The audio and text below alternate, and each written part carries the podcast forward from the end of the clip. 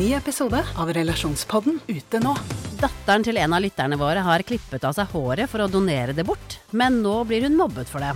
Hva kan mamma gjøre?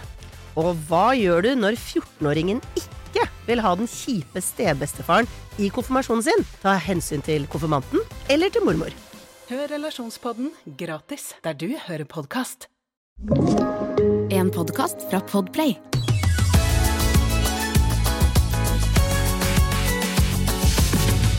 Velkommen til eh, Fab-podden, jenter.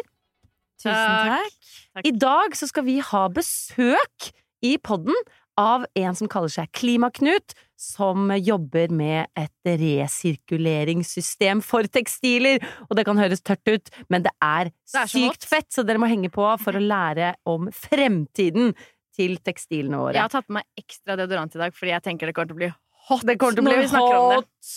Eh, Men dere, jeg eh, ga dere jo et eh, tips, et samlivstips, i forrige episode. Fordi jeg og Thomas har i mange år drevet og brytet, sier man det? Sier man det? Brøt? Brytt? Vi har brytt. Vi liker å bryte. Det er veldig fysisk og tullete, og vi ler masse. Thomas får helt latterkrampe når jeg begynner å bryte med han, fordi jeg, jeg blir så Jeg blir så engasjert. For du har konkurranseinstinkt, ikke sant? Absolutt. Jeg skal ha han ned i bakken, og så liker jeg å sitte oppå han mens han ligger under meg og ler. Da blir jeg glad. Så lurer jeg på Jeg har jo fått dere til å gjøre det samme. Det kan dere se en video av på Instagrammen vår. Eh, Hvordan eh, funket det? Var det, var det parterapi? Det var litt parterapi, og for eh, vår del så kom det veldig i rett eh, tidspunkt. Vi hadde rett og slett akkurat krangla litt. Oi, om hva, kan jeg Ja, spørre? vi hadde kranglet litt Vet du vi hadde faktisk kranglet litt om, eh, om designet på julekjolen som vi i Fabrik skal slippe. Oi! Ja, fordi jeg hadde brukt Jeg tenkte jeg bare skulle sy en kjapp test av den kjolen. Og så er det litt sånn rynking, og jeg ordna og styra og holdt på fælt, så jeg hadde brukt to dager og svetta for å bli ferdig med denne testen min, da, som var en sånn oransje, fin topp med rynker. Tatt bilde av den i speilet på jobb. eh, Kom hjem, gledet meg til å vise den til Andreas. Vise den til han. Han var lunken. Åh, Han syntes ikke den var så fin. Nei. Eh, og nå har jeg en kjæreste som også driver med søm, så det at han ikke syns den var så fin, det er sånn ah! Og da ble jeg så sur. Jeg har brukt to dager. Da, da kan du lyve på deg Mm. en kommentar om at den var fin, eller bra jobba, eller ikke helt min stil, men skikkelig kult at du har fått til det, liksom. Han var bare sånn Nei, rynker er ikke helt meg. Han er dommer i symesterskapet, han. Han er dommer i Symesterskapet. Han var jo det før han ble kjæresten min, og derfor tror jeg bare at det fyrer ekstra oppunder eh, da, når han ikke er fornøyd med det jeg har sydd. Ja, ikke sant. Så ja, så det liksom startet eh, der, og så hadde jeg sagt til han sånn eh, Ja, du, vi må huske å bryte, fordi vi må filme det til Instagram, fordi at eh, Jenny har sagt at vi skal gjøre det. Og da rettet vi hadde krangla, og jeg var litt sånn herre Ok, nå skal jeg bare være litt her stille for meg selv, komme meg over det. Eh, Så var han sånn Du, skulle ikke vi bryte? Da var jeg sånn Å, ikke nå, Ikke liksom! foreslå noen ting som helst. Du holder bare truten din. Nei, men så, så brøt vi. Jeg tok på hjelm, fordi vi har et litt eh, smalt kjøkken. Eh, ville ikke dunke hodet. Det hodet har fått så mye hjernerystelser. Og eh, Mr. Made to Measure Andreas Fett, han er faktisk sterkere enn han ser ut som. Mm. Så jeg tok på hjelm, og så gikk vi i gang, da. Eh, det, var, det var gøy. Det var Hvordan en var stemninga etterpå? Nei, det løsnet jo helt, ikke sant? Det er det som var så fantastisk! At jeg hadde gått fra sånn Nei, nå er jeg sur, og vil ikke bryte nå og lage en søt film at vi bryter når jeg egentlig bare er sånn Jeg orker ikke se på trynet ditt, liksom. Eh, men, men det løsna jo, alt. Vi lo og tulla og, og Det er som et lakseringsmiddel. Ja. Det er som et For du lakseringsmiddel. er sånn Skyller ut. ah, Og så plutselig bare Woo! Ja, det er akkurat det. Det er som å spise litt veldig mange sukkerfrie Mentos, som det er eh, litt lakseringsmidler. Har du Mm. spist en pakke av det, så kjenner du at det bare svopp, så forsvinner gørra ut. Det var akkurat som det føltes. Hva med deg, Mari? Du og din eh, type? Jo da, det gikk jo Gikk jo bra, men det gikk jo ikke. Han er jo da Jeg sa 1,94 sist episode. Han ble veldig lei seg at jeg sa det, for han er 1,95. Ok. Ja. Eh, han ble veldig lei seg. Men vi brøyt jo, og han var sånn Vi kan faktisk ikke bryte fordi jeg har så konkurranseinstinkt at jeg kommer til å drepe deg! Sa du det, eller han det? Han sa det. Eh, så jeg prøvde jo mitt aller beste, mens han bare sto der som en påle. Mm. Eh, ja, Men vi hadde det kjempegøy! Det er det! Vi Vi hadde det si hvem som kjempegøy. vinner. Jeg hadde det gøy. Åh, Fordi han kunne jo ikke ta i. sammen sånn. Så han Ja. hadde det kanskje ikke så gøy. Og det er litt deilig å ta på hverandre på en måte som ikke er kosete, ikke seksuell, men det er en tredje ting. Det er sånn Jeg har litt lyst til å skade deg, men eh, på en hyggelig måte. Ja, og så får du gjerne armhulen opp i truten, og du får lukten, og du får følelsen av kroppen som liksom anspenner seg under hendene. Ja. Jeg syns også det er også egentlig et, eh, gøyalt vorspiel hvis man skal gjøre noe mer enn å bryte. Men kan ikke en av dere spørre meg hvordan det går? Jo, Jenny. Oi, en, to, tre. Jenny, hvordan går det? Nei. Hvordan går det egentlig? Bra! Gjør det det? Altså, i går kveld så slipper P3 en, eh, en em, video hvor da Marstein, som er en av rapperne i Undergrunn Klikk, som har nå eh, sluppet et soloalbum, både han og Jo Ra Ranes, de har sluppet hvert sitt soloalbum, og jeg elsker Undergrunn! Jeg elsker norsk hiphop! Jeg har hørt på Marstein i hjel! Altså Jenny på Øyafestivalen som var i Oslo i august, eh, så sto Jenny midt i moshpit på undergrunn, mens jeg eh, og gravide Bergtun prøvde å liksom eskortere oss liksom ut Ja, ja. Og lukkemusklene mine svikta, jeg tissa det, Men det var så jævlig verdt det, liksom! Du tissa på deg faktisk eh, når vi hadde sånn sitt... Var på undergrunn Sittende. sist òg! Ja, Ja, ja, ja. Men ikke! Ikke fremstill meg som en enda eldre, eldre kvinne enn det jeg er. Uansett, P3 slipper en video hvor Marstein skal covre eh, en låt, eh, og så dedikerer han den låten til meg! Heldiggrisen! Og jeg døde! Fordi den derre ungpikefølelsen av å liksom føle seg litt sånn stas, eller litt sånn ettertraktet, jeg vet ikke, det er en følelse jeg ikke har hatt på mange, mange, mange, mange år.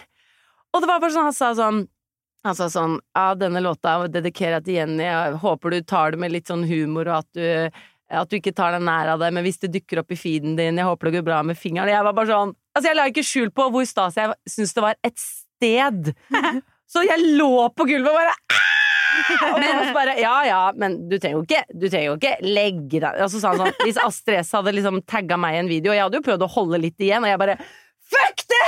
Jeg bare, jeg bare Marstein har sunget en sang til meg! Ja, for han har ikke bare dedikert den til deg. Han har meg med i teksten! Ja, han sier han? 'Jenny er nam-nam'. Jeg vet det!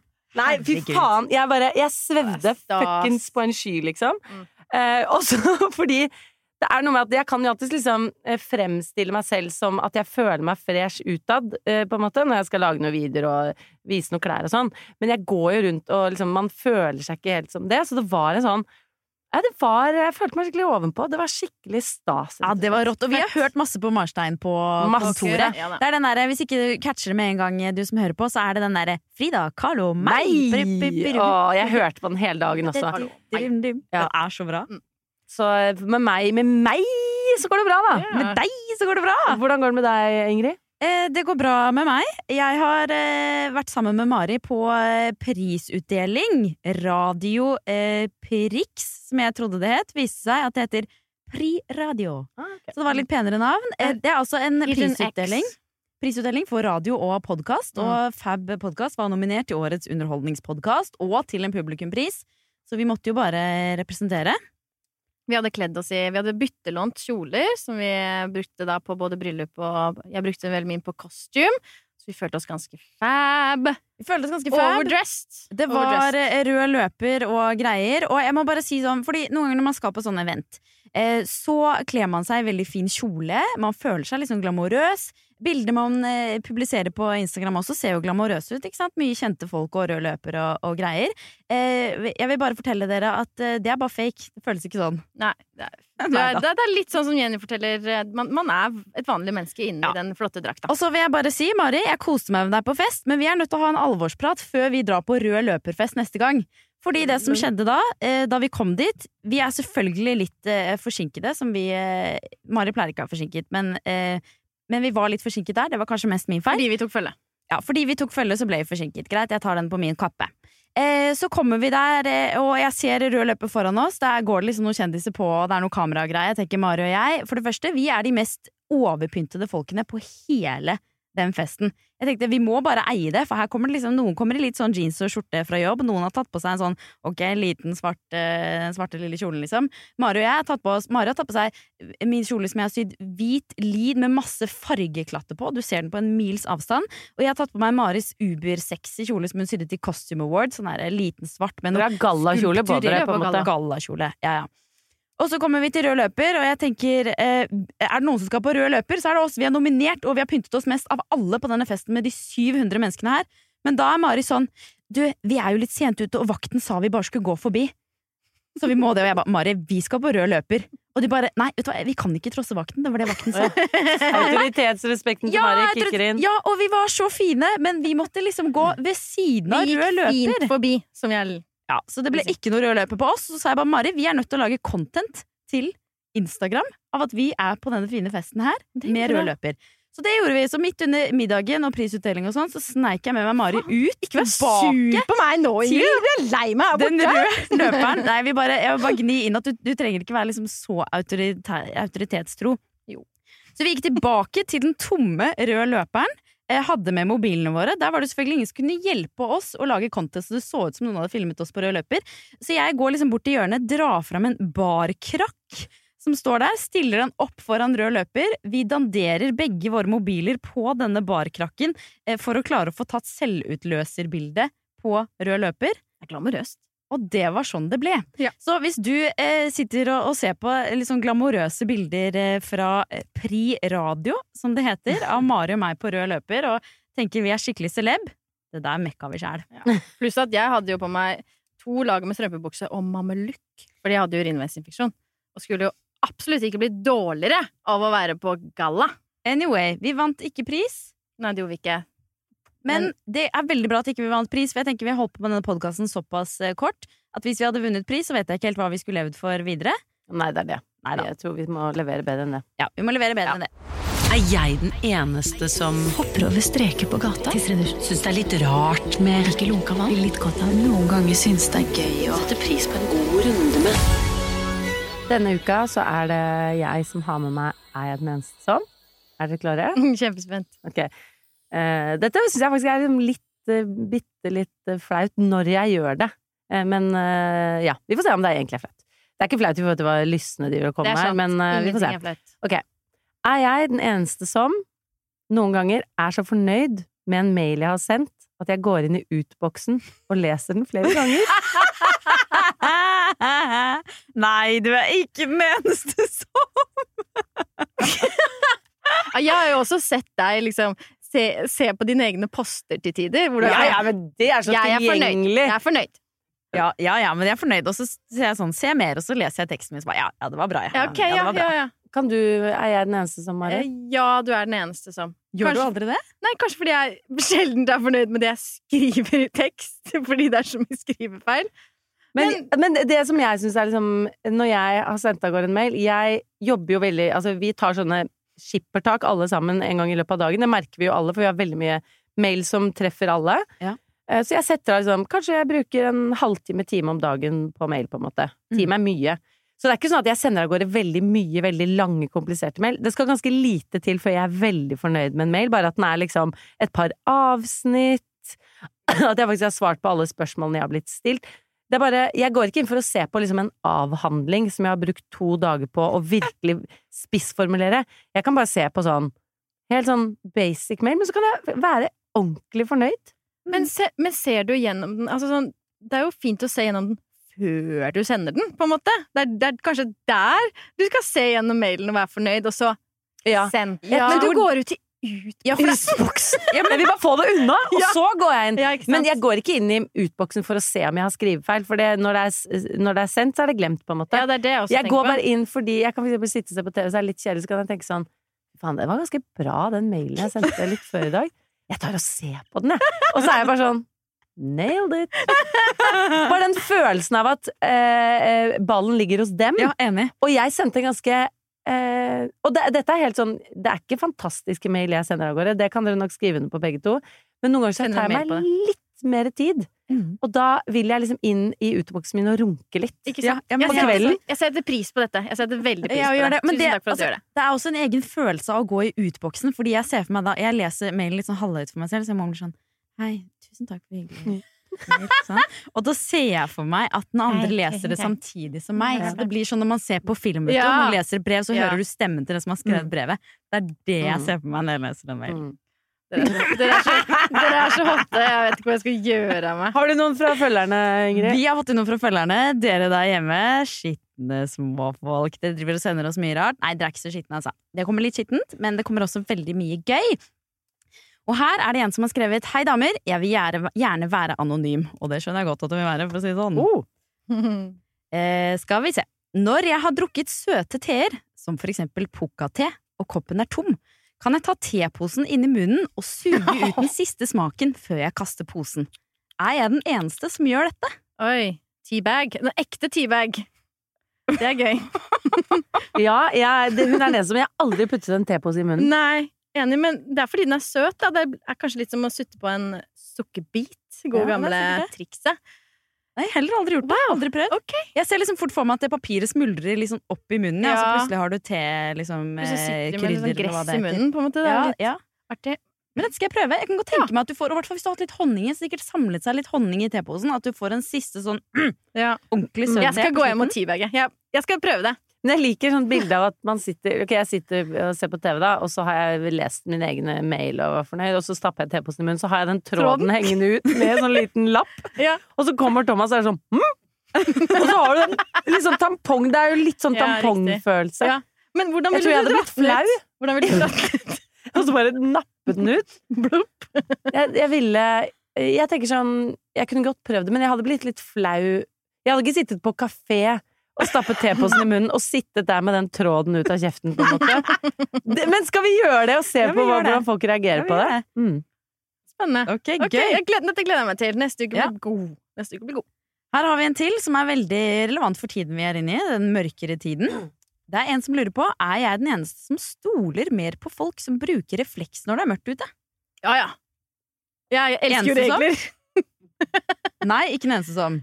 Eh, hun er ikke den eneste som, men det handler om regler. Ja, for Fordi hva- jeg elsker at folk følger reglene, spesielt i trafikken. Jeg elsker at folk eh, ja, da setter liksom pris på eget liv og gjør seg synlige og trygge overfor andre. Eh, Mm. Det er litt kanskje sosialisten i meg igjen, da, som liksom setter pris på at man, man er eh, god for fellesskapet. Ja. Jeg har aldri reflektert over Jeg har aldri puttet folk i båser sånn, i forhold til hvem jeg stoler på og ikke.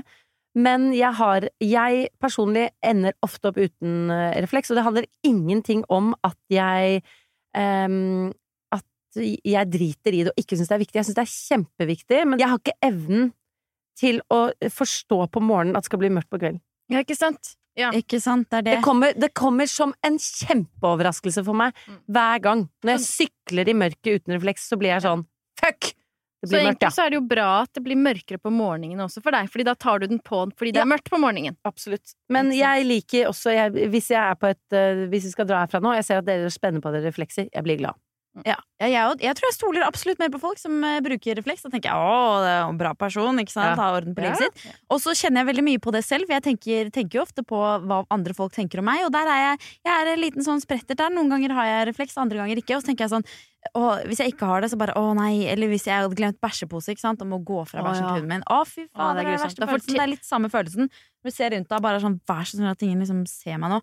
Tenker jeg sånn, åh nei, nå, jeg føler i ryggen at sånn, åh, nå tenker folk at jeg var en dårlig person. Det føler jeg litt også når jeg ikke har refleks. Og så forbereder du comebacket, comeback, ikke sant? Ja, man For gjør du tror at noen skal rope sånn Hei, skal du ikke Mm. plukke opp? Så Ja. man sier sånn Jeg roper hei, skal du ikke ta på deg refleks? Jeg har ikke pose! Ja, ja, ja, sånn. akkurat sånn jeg forbereder. Eh, så da tenker jeg, men noen ganger har jeg refleks, og da, eh, da liksom tenker jeg, da veier det opp, for nå tenker jeg, nå tenker folk at de kan stole på meg. Ikke sant. Så jeg er litt enig, for så vidt. Hun er ikke den eneste som. Hvis du eh, som sitter og hører på, brenner inne med et spørsmål som du lurer på om du er den eneste som gjør, så send oss det veldig gjerne på joindefaebrik på Instagram. Inn i DM-en vår eh, der, så ser vi om vi får tatt det opp i podden. Og inn i DM-en vår der, det er så gøy å lese, fordi dere er kjempeengasjerte, både til å sende oss er jeg den eneste som, men også andre ting. Og her eh, har vi fått inn en veldig morsom fun fact. For for et par episoder, siden snakket vi om eh, hvordan det hadde vært hvis menn fødte. Og så er det en som har sendt oss melding. Hei sann!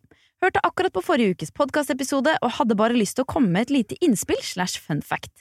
Grunnen til at de heter jordmor, har ingenting med kjønnet til jordmora å gjøre, men at når barnet fødes, blir det løftet først mot jord, altså ut av vagina og ned mot bakken, for at det så blir løftet opp tilbake til mor, altså jordmor. Synes det er så kult, så ville bare fortelle dere det.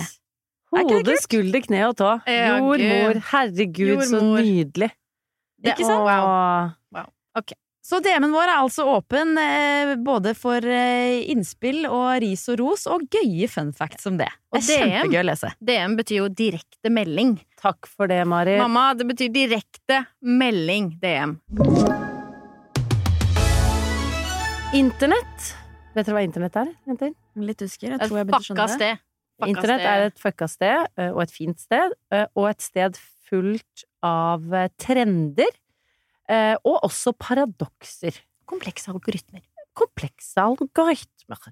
Eh, og jeg, henger meg ofte opp i de tingene som blir litt sånn hvor, det, hvor, det, hvor jeg får litt sånn motstridende følelser. Og jeg har lyst til å snakke med et av disse fenomenene som skaper disse følelsene i meg, med dere. Fordi min feed, den blir jo fylt opp av det jeg ser mye av, som alle. Algoritmene bestemmer. Og jeg, eh, jeg eh, ser, syns det er gøy å se på sånne videoer som er blitt en kjempetrend, spesielt blant eh, kvinner innenfor reels og TikTok, hvor eh, damer, eh, gjerne litt voksne damer, skal fortelle andre damer at de er verdifulle, unike, bra nok, fine ting. Eh, men gjennom å fortelle andre damer dette, så bruker de gjerne trending sounds, altså lyder noen andre har laget, noen andre sin stemme, en lyd tusenvis av andre har brukt. Eh, De bruker gjerne noe filter, det er ikke alltid det, men det er på en måte pakket inn i en li, li, lite unik pakke. Skjønner du hva jeg mener? Jeg skjønner akkurat hva du mener. Og jeg tenker disse videoene, eh, vi skal spille av noen av de, bare så dere skjønner lyden. Eh, og da er det jo en dame som sitter og mimer etter denne lyden, og gjerne skriver sånn 'du er fantastisk' og sånn. Eh, og disse videoene er jo helt harmløse, skader ingen. Eh, Jeg vet ikke, det kan fungere for mange. Det kan være fint for hun som legger ut, og det kan være fint for hun som mottar. Jeg er ikke en mottaker som nødvendigvis Det er ikke det som funker på meg. Men jeg syns Det funker ja. jo på én måte, bare på litt feil måte. Ok, måte. nå spiller jeg et par sånne lyder, hvor dere da må se for dere en dame som sitter og mimer etter lyden, med mål om å inspirere andre til å være unik, til å være seg selv. I am loved. I am safe. I am free. I don't need to be like them. I just need to be like me.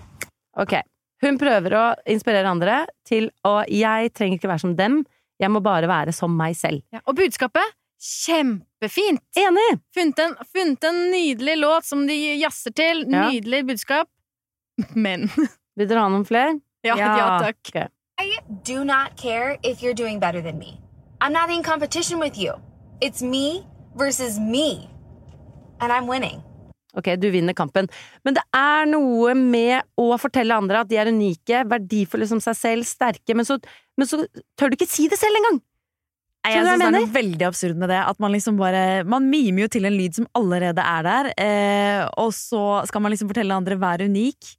Og så bare Det er jo akkurat det du ikke er. Du har ikke funnet på kruttet selv. Og nå tenker jeg også, eh, jeg, jeg, Disse videoene treffer ikke meg heller sånn eh, veldig, men de gjorde det litt på en periode da jeg følte at liksom eh, Instagram og sosiale medier var veldig, veldig full av alt jeg skulle bli bedre på, og alt som liksom bare kunne få deg til å føle Mm. deg Det en dårlig selv. trend. så det var sånn, å, så deilig at noen bare kommer og ikke forteller meg det, men sier at jeg er verdifull som jeg er. Og så har det gått helt inflasjon i de videoene, og nå er Discover-pagen min er bare stappfull av dem. Og ja, det er noe veldig, veldig ironisk med det derre vær deg selv, jeg bryr meg ikke om hva andre tenker. Hvis ikke du bryr deg noe om hva andre tenker, så hadde du kanskje ikke brukt en lyd som nå er skikkelig trending, som gjør at du kommer på denne Discover-pagen, Mm. eh, og eh, brukt tid på dette sånn at du skal få likes på det du har lagt ut. Det er noe veldig sånn, man begynner å tenke opp på det, noe helt utrolig paradoksalt. Ja. Og så, så kan man tenke sånn, trenger man å ha grunnleggende god selvtillit? Altså, må man practice what you preach, på en måte? Nei, For det kan jo være at bare de ordene treffer noen, at det holdt, men at du bare videreformidler ordene.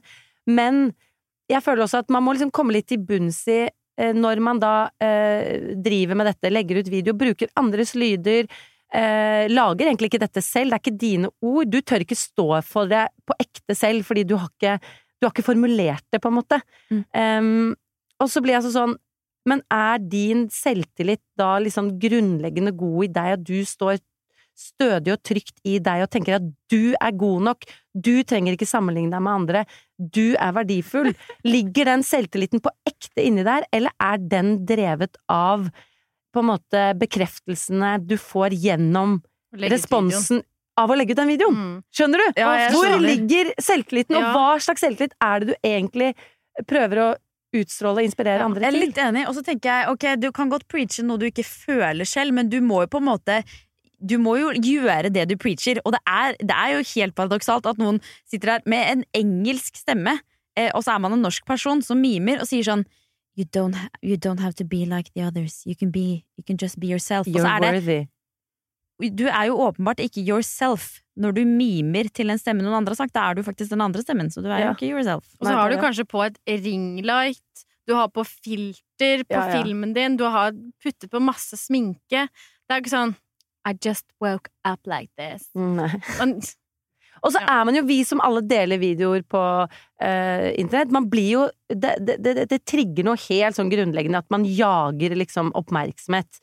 Og jeg legger ikke skjul på at liksom det å begynne å poste reels sånn er ganske sånn avhengighetsskapende, og du sjekker ofte liksom responsen. Og jeg nekter å tro at disse som legger ut disse videoene, bare legger fra seg telefonen og er sånn 'Jeg bryr meg ikke om hva de andre tenker'. Så deilig. Jeg gjorde jeg... dette for meg! Nei, nei, nei! Her er man ute og jakter likes, på en måte. Og det gjør jeg òg. Jeg syns det er en side av meg selv som jeg skulle ønske jeg hadde mindre av, som jeg prøver å jobbe med. Men jeg går jo heller ikke ut og på en måte sier at jeg ikke bryr meg om det, på en måte. Så jeg syns det er et det er spennende paradoks. Jeg synes det er spennende paradoks. Jeg lurer på om vi liksom, om ti år kommer til å se tilbake og gapskratte av disse tingene her. Om det er en sånn her sosiale medier-fenomen som bare hører liksom 2020 Og jeg har noen ganger gått inn på no noen sånne kontoer, scrollet meg ned for å se sånn Finnes din stemme her? Ett sted blant disse 150 videoene? Mm. Nei. Man vet ikke dialekt, man vet ikke tonefall, man vet ikke hva du på ekte står for, fordi alle disse lydene er hentet fra internett, og disse lydene er brukt en million ganger fra før. Så det er jo, og så er det jo på en måte en trend, og det er jo det motsatte av å være unik. Ja, ikke sant? Skjønner du hva jeg mener? Ja, ja. Men er det også litt, har det også litt grann med eh, den verden vi lever i nå, hvor vi alt skal gå så innmari fort? Vi, vi gidder ikke tenke så mye selv. Vi tar bare en hyllevare, Ja, konverterer den til oss selv, litt sånn som fast fashion. Vi, vi gidder ikke tenke noe særlig over de valgene vi tar, fordi det er tilgjengelig, det er lett. Eh, vi får ikke noe tyn for det. Det bare Det en Og så må man ikke stå for det 100 Nei, ikke heller. Så jeg, jeg skjønner kjempegodt at de gjør det. Og det treffer sikkert noen, og jeg har full respekt for at de som koser seg med disse tingene. Jeg bare syns det er interessant å også reflektere over det paradoksale i det. Absolutt. Veldig. Og så føler jeg det er en type sånn selvhjelp på internett. Er egentlig Mm. det der. Jeg føler det er på sett og vis en slags selvhjelpsbok skrelt ned til syv og et halvt sekund Ja. med video.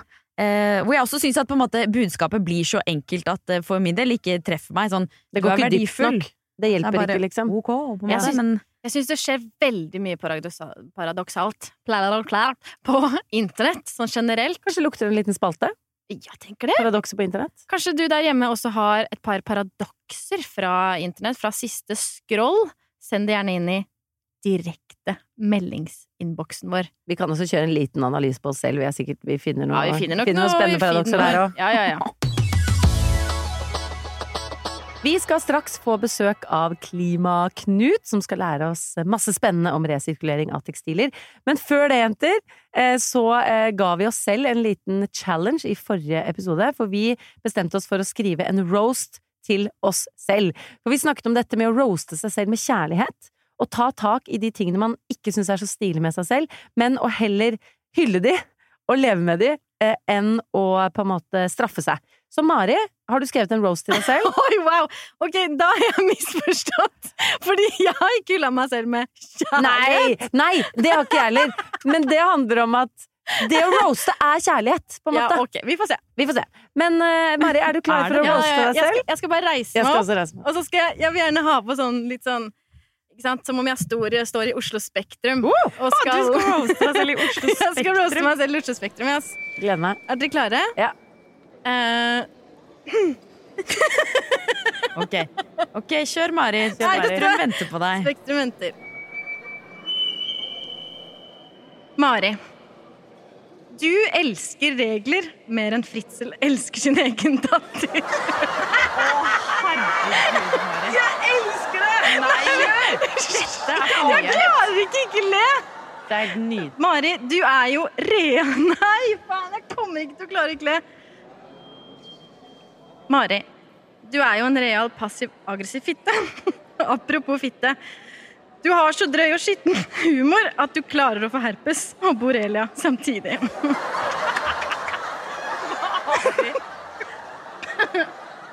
Ingen tror du jobber i Fabrik.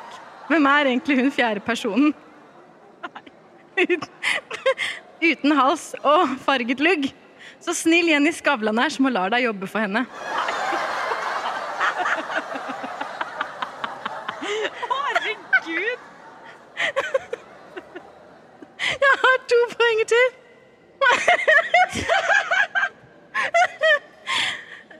Mari, du elsker jo farger. Har du noen gang tenkt på at fargene kanskje ikke elsker deg?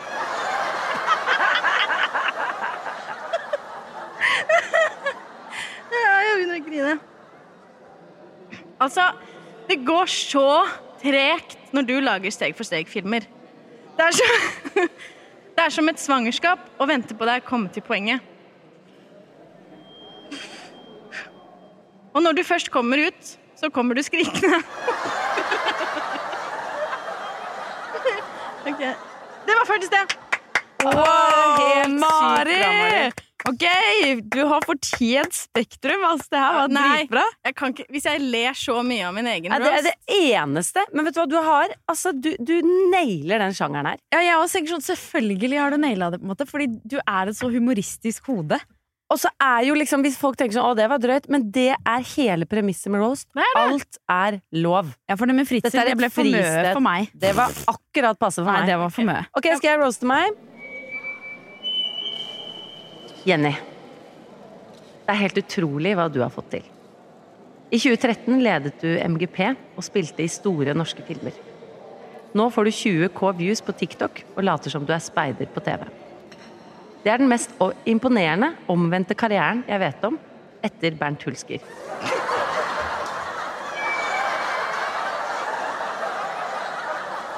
Men du har jo rullet noen eh, imponerende terningkast på TV også. Terningkast én for Tweet for tweet og en toer for Nesten voksen. Men du, din seige jævel, du får folk til å glemme hvor talentløs du er, fordi du kan gjøre en duk om til en hatt.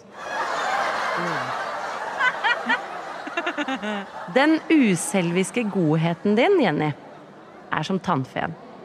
Det sies at den eksisterer, men jeg har fortsatt ikke sett den. Å se på deg spille i film, Jenny, er nesten like uinteressant som å se på en eh, kaffekanne bli traktet. Kaffen har bare litt mer dybde og varme enn deg. Det er ikke så mange som snakker om hvor varm og god du er, fordi det er du ikke. Men jeg elsker deg.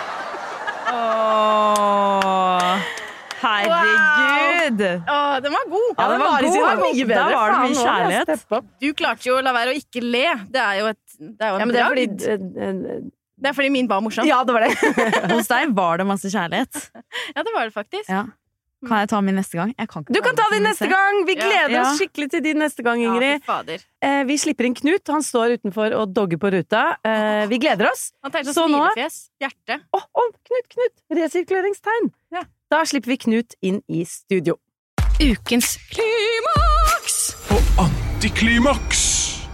Dagens store antiklimaks er at vi nordmenn kaster 50 000 tonn med tekstiler hvert år. Og når jeg sier kaster, så mener jeg faktisk kaster. Det havner i restavfallet og går da til forbrenning. Og det er gjort eh, undersøkelser som viser at to av tre av de plaggene vi kaster i restavfallet, er helt brukbare, fine plagg uten noe feil og mangler.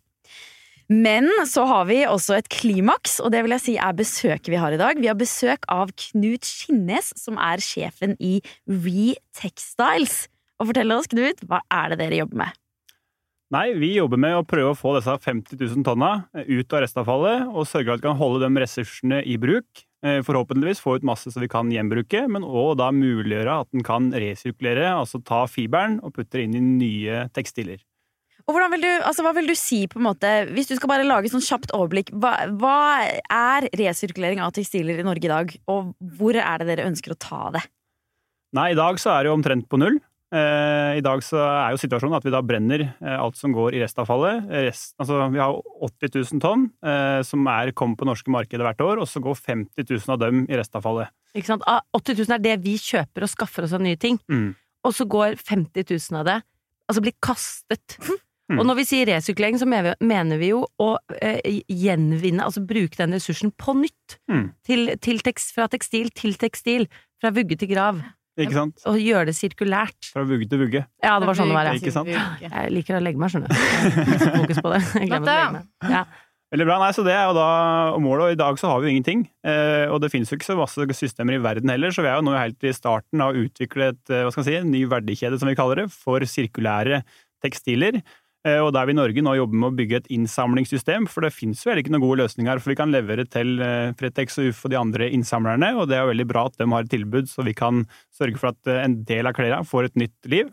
Men samtidig så må vi også da ta hånd om alle de andre tekstilene, som er jo den, faktisk den største mengden, som du og jeg kaster eh, hver eneste dag. Eh, Hvordan kan vi da klare å bruke det på en bedre måte, så når vi samler inn på en god måte, og der ser vi da skal vi ha på gjenvinningsstasjon, skal dere ha en egen pose hjemme som skal ha tekstilavfall i, hvordan skal det her systemet se ut, som vi nå tester ut i hele landet eh, sammen med de interkommunale selskapene, altså alle som som henter søpla vår. Ja, kan du ikke fortelle litt mer om det? Fordi eh, dere holder nå på med en pilot hvor man skal teste Altså at man, eh, at man samler inn tekstiler hjemme selv i en egen pose, liksom som du samler inn plast. Stemmer det?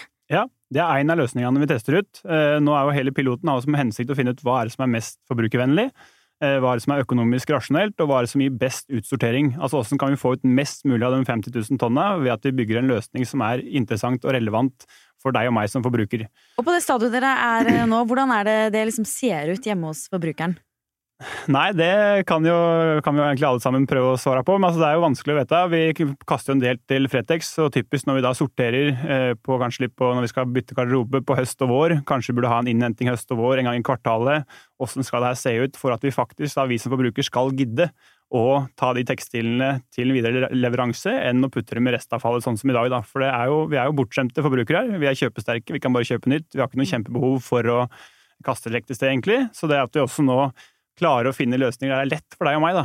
Og vi velger, vi velger velger jo selvsagt det, eh, for det er lett for meg, deg og meg. Eh, Så at det skal være lett for en lat og bortskjemt forbruker, Mhm. er jo også viktig i det systemet her. Selv om vi mener at forbruk, forbrukeren blir stadig mer bevisst og flinkere, så er han fortsatt eh, ganske middelmodig. Mm. Og så føler jeg også at det er eh, mye av den resirkuleringen vi allerede gjør hjemme, da. At vi putter eh, matavfall i grønn pose og plast i, i lilla, i hvert fall sånn som vi gjør det i Oslo. Man gjør jo ikke det av egen vinning, men man gjør det jo av liksom et samfunnsansvar, og man vet at det blir tatt hånd om. Og det blir sånn når du står der med den plastemballasjen, så blir det sånn jeg vil jo helst at dette skal bli et nytt plastprodukt, så liksom Det er ikke sånn at du får penger for det, sånn som med pant og sånn, eh, men det føler jeg at det ligger jo et litt sånt At folk ønsker å bidra, og folk kjenner på et ansvar. Så det å liksom da det å faktisk ha en pose til tekstil, det tror jeg redder utrolig mye ut av restavfallet. Men da er jo, ikke sant, dere jobber jo også da med en eh, Når jeg snakker om denne lilla posen med plast, så går jo denne plasten til en maskin, eller en resirkuleringsmaskin, som gjør dette til ny plast. Og det er det dere også jobber med, at man skal kunne da ta alle disse tekstilene, eh, putte det inn et sted, sånn at dette også blir nytt fiber. Mm. Ja, altså bare til det første først, at jeg tror veldig mange vil bidra. Og sånn som dere, og forhåpentligvis mange av lytterne her, ønsker at det skal bli løsning for det her, og det er jo det vi også jobber for. Eh, Og løsningene da vil jo være at en da tar det inn, eh, og så skal vi sortere tekstilene, fordi eh, altså hva er bomull, hva er polyester? For dem som igjen skal resirkulere, da, de trenger reine nok tekstiler for at det skal være mulig å resirkulere.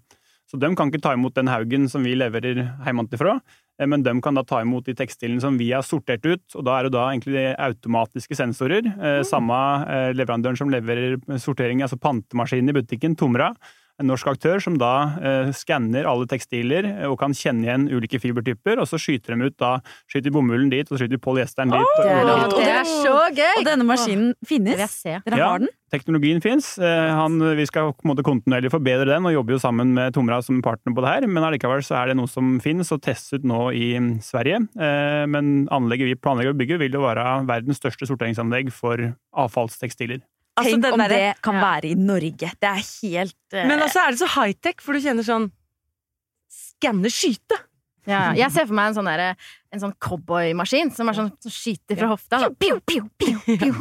Jeg liker vi, den tanken. Ja, enig. Men når vi snakker om disse tekstilene altså jeg, tror, eh, jeg tror Vi sitter jo veldig inne i dette tekstilverden, og på en måte for oss er det litt sånn intuitivt den der forskjellen på gjenbruk og gjenvinning. Men det tror jeg for veldig mange går litt sånn sammen i, i ett ord. Men det vi altså snakker om her, er eh, gjenbruk. Da tenker man på en måte at, at plagget i seg selv kan selges videre, eksempel. Det er jo det Fretex og andre aktører driver med. Tar plagget som det er, og selger det videre.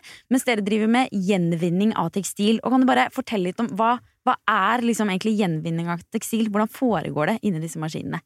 Nei, altså, jeg, altså på vår side, da, der, der sorterer vi ut sånn at det får bli riktig type fiber. Men de som da faktisk resirkulerer, de tar jo det fra hverandre, både mekanisk og kjemisk. Og da eh, lager en helt ny tråd basert på den tråden du har, eh, som er på en måte i tekstilen i dag. River det fra hverandre, både mekanisk og kjemisk, og setter det sammen da i ny tråd, som da kan brukes, og som de store aktørene kan sette sammen når de skal lage nye tekstiler. Så hvis du tenker, eh, la oss si at eh, den skjorten du har på deg, da, blir levert inn. Det er en alminnelig Ola-skjorte eh, med hvite knapper. Hva ville skjedd med den i dette systemet her? Nei, den her er jo da rein bomull, så den vil du da beskytte ut i bomullshaugen. Eh, sendt vår partner i første gang, nå i Finland, eh, som da vil ta den, rive den fra hverandre, ta bort knappa, og så lage først eh, rive det opp som eh, typisk hvis vi ser at vi har en ødelagt genser, litt sånn eh, fragmentert tekstil. Altså typ sånn når du eh, rasper gulrot, liksom. Er det, det, jeg ser for meg at det er sånn. Er jeg inne på rett spor da, liksom? At du Ja, det er ikke så River det opp i biter. Halvgæli. Og så er det jo en slags naturmateriale, så det er litt som å lage pappmasjé, kanskje. At når du tar og putter eh, vann og, og papir sammen, så blir det sånn derre sånn soggy, gøggete masse. Det kan du også si, for da er du nesten på skrittet videre, for du tilsetter da kjemikalier i en, på en, måte, en våt prosess. Ja. Eh, Da blir det litt den pulpen som du da igjen på en måte skal eh, Pulp, kan vi kalle det. Som du igjen da spinner ny, ny resirkulert tråd da, som er- kommer fra tekstilene våre og skal bli da til nye tekstiler. Men er det mulig da å lage eh, helt nytt tekstil utelukkende av gamle plagg, eller er du nødt til å blande inn noe nytt fiber også? Du kan lage det utelukkende gamle plagg. Fy faen, det er så fett.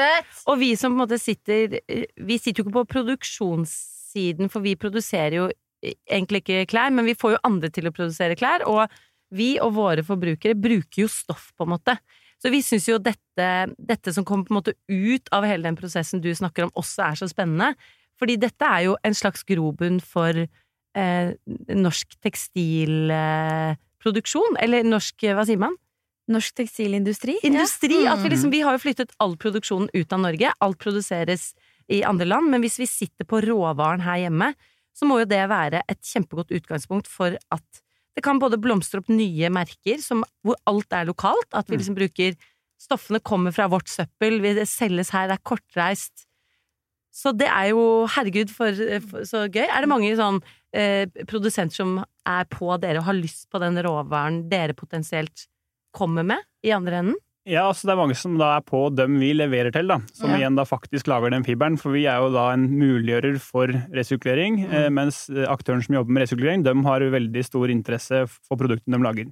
Men samtidig er jo eh, Warner for eksempel, er en av våre hjørnesteinsinvestorer som ønsker at vi trenger en løsning for det her og få det til å skje. Så det er aktører i bransjen som ser at det her er både forretningsmessig interessant, eh, og at de må ønske å være med å ta ansvar for å bygge den sirkulære verdikjeden for tekstil.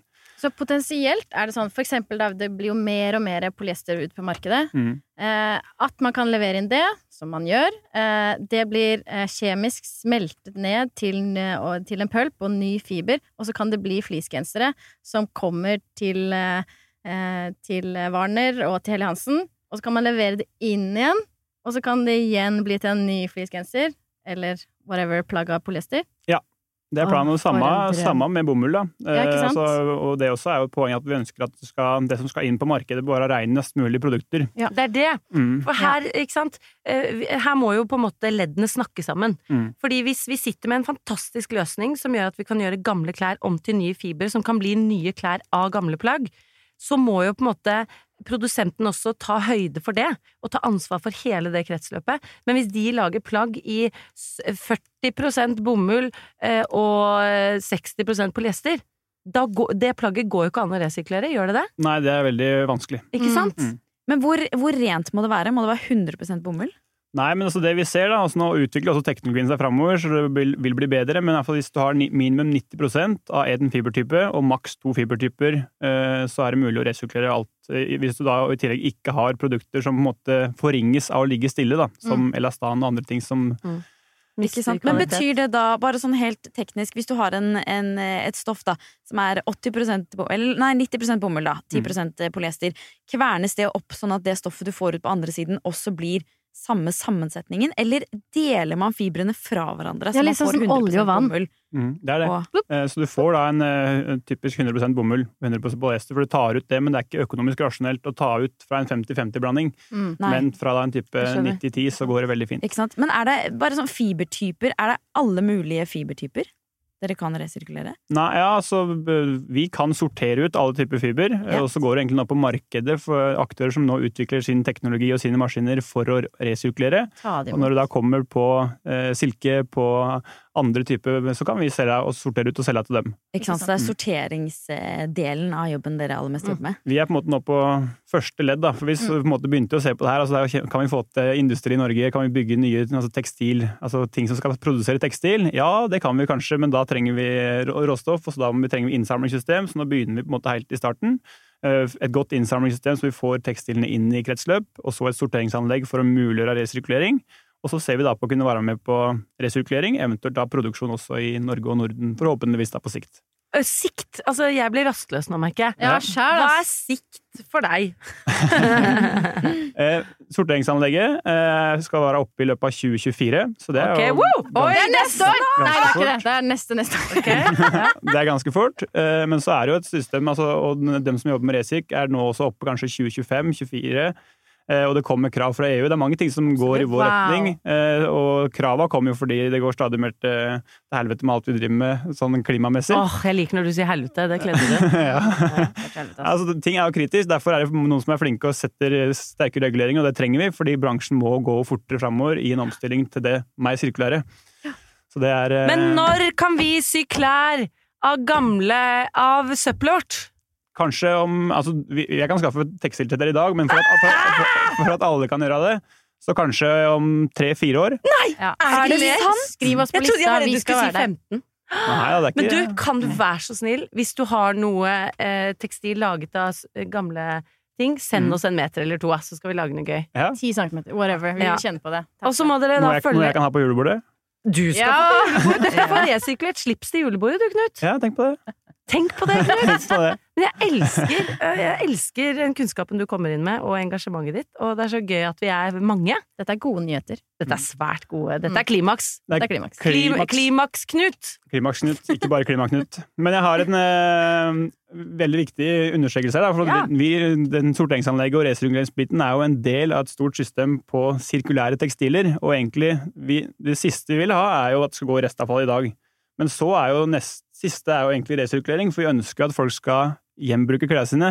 At vi skal kunne reparere, sy om, som dere er så flinke til, og veldig viktige forkjempere for, da, for å få det tilbake i loop, for det er mye mer miljøvennlig enn å resirkulere. Så er resirkulering veldig mye bedre enn at vi kjøper nytt, eh, så, men allikevel så at vi ser det her i sammenheng. For det er ikke sånn at ja, nå har vi en løsning, så da sender vi alt til resirk. Nei. For vi ønsker at eh, mer og mer skal bli gjenbrukt, forhåpentligvis at vi også klarer å redusere forbruket vårt litt. At folk blir mer engasjert og interessert i å sy om og reparere tingene sine. Men så er resirkulering en nødvendig løsning. Men det er en del av en helhet, eh, så det er viktig også å tenke på det når en Ja, og jo systemet. dårligere kvalitet klær lages i, jo mer avhengig er vi av resirkulering òg. Fordi det er jo sånn som Fretex sier, at de skulle gjerne solgt videre veldig mye mer, men kvaliteten er så dårlig at, at det fortjener Altså, folk har ikke lyst til å sy det om og reparere det fordi kvaliteten er så laber, da. Mm. Så man må jo egentlig håpe at kvaliteten øker, og at det er mindre som skal resirkuleres, men det som må det, har faktisk et system. Eh, nei, dette var rått, dere. Oppløftende. Kjempespennende. Jeg ble helt sånn gira av at det er så få år til. For jeg tenker liksom ofte ja, blir det i min levetid? Og nå Ja. er det bare sånn Min levetid! Det er liksom Mm. Det er et lys du kan se i enden av tunnelen. Da. Jeg er super, superspent på fremtiden. Og gleder, vi gleder oss skikkelig til å følge med på hva dere gjør. Keep us updated. Keep us updated. Så folk må følge Klimaknut på Instagram, så kan dere henge på denne maskinen. eh, og, og Knut. Mm. Kan vi se hvordan han Og klima. ser ut. da. Alt. Og klima. Heng på alt. Kjør! Så tusen takk for at du kom, Knut. Og så må du komme tilbake. Når, vi, når det skjer breaking news, fortell oss om det, så får du komme og fortelle det. Veldig bra, og takk for innsatsen dere kan gjøre òg. Takk til Knut, da, jenter. Takk, Knut. Det var hyggelig. Mari, ikke ha banan i munnen mens du sier Ok, mens Mari deepthroater bananen sin, så mens Jeg lager den til pulp. Du lager pulp av bananen. Det fins faktisk banantekstil. Jeg bare sier det. Ok. eh, jeg håper dere har lært masse om resirkulering av tekstiler, og at dere er optimistiske med tanke på framtiden. Vi kan ikke vente til vi skal få noen resirkulerte stoffer av Knut, så da må dere bare følge oss på Instagram på Join the Fabric. Og der skal vi vise dere disse stoffene vi får. Og så eh, håper jeg at dere får en eh, nydelig dag videre. Og send oss gjerne en DM på da Join the Fabric, både med Er den eneste som, eller hvis du trenger hjelp til tidenes comeback. Vi snakkes! Hei! Hei. Ikke stjel bananen min, altså.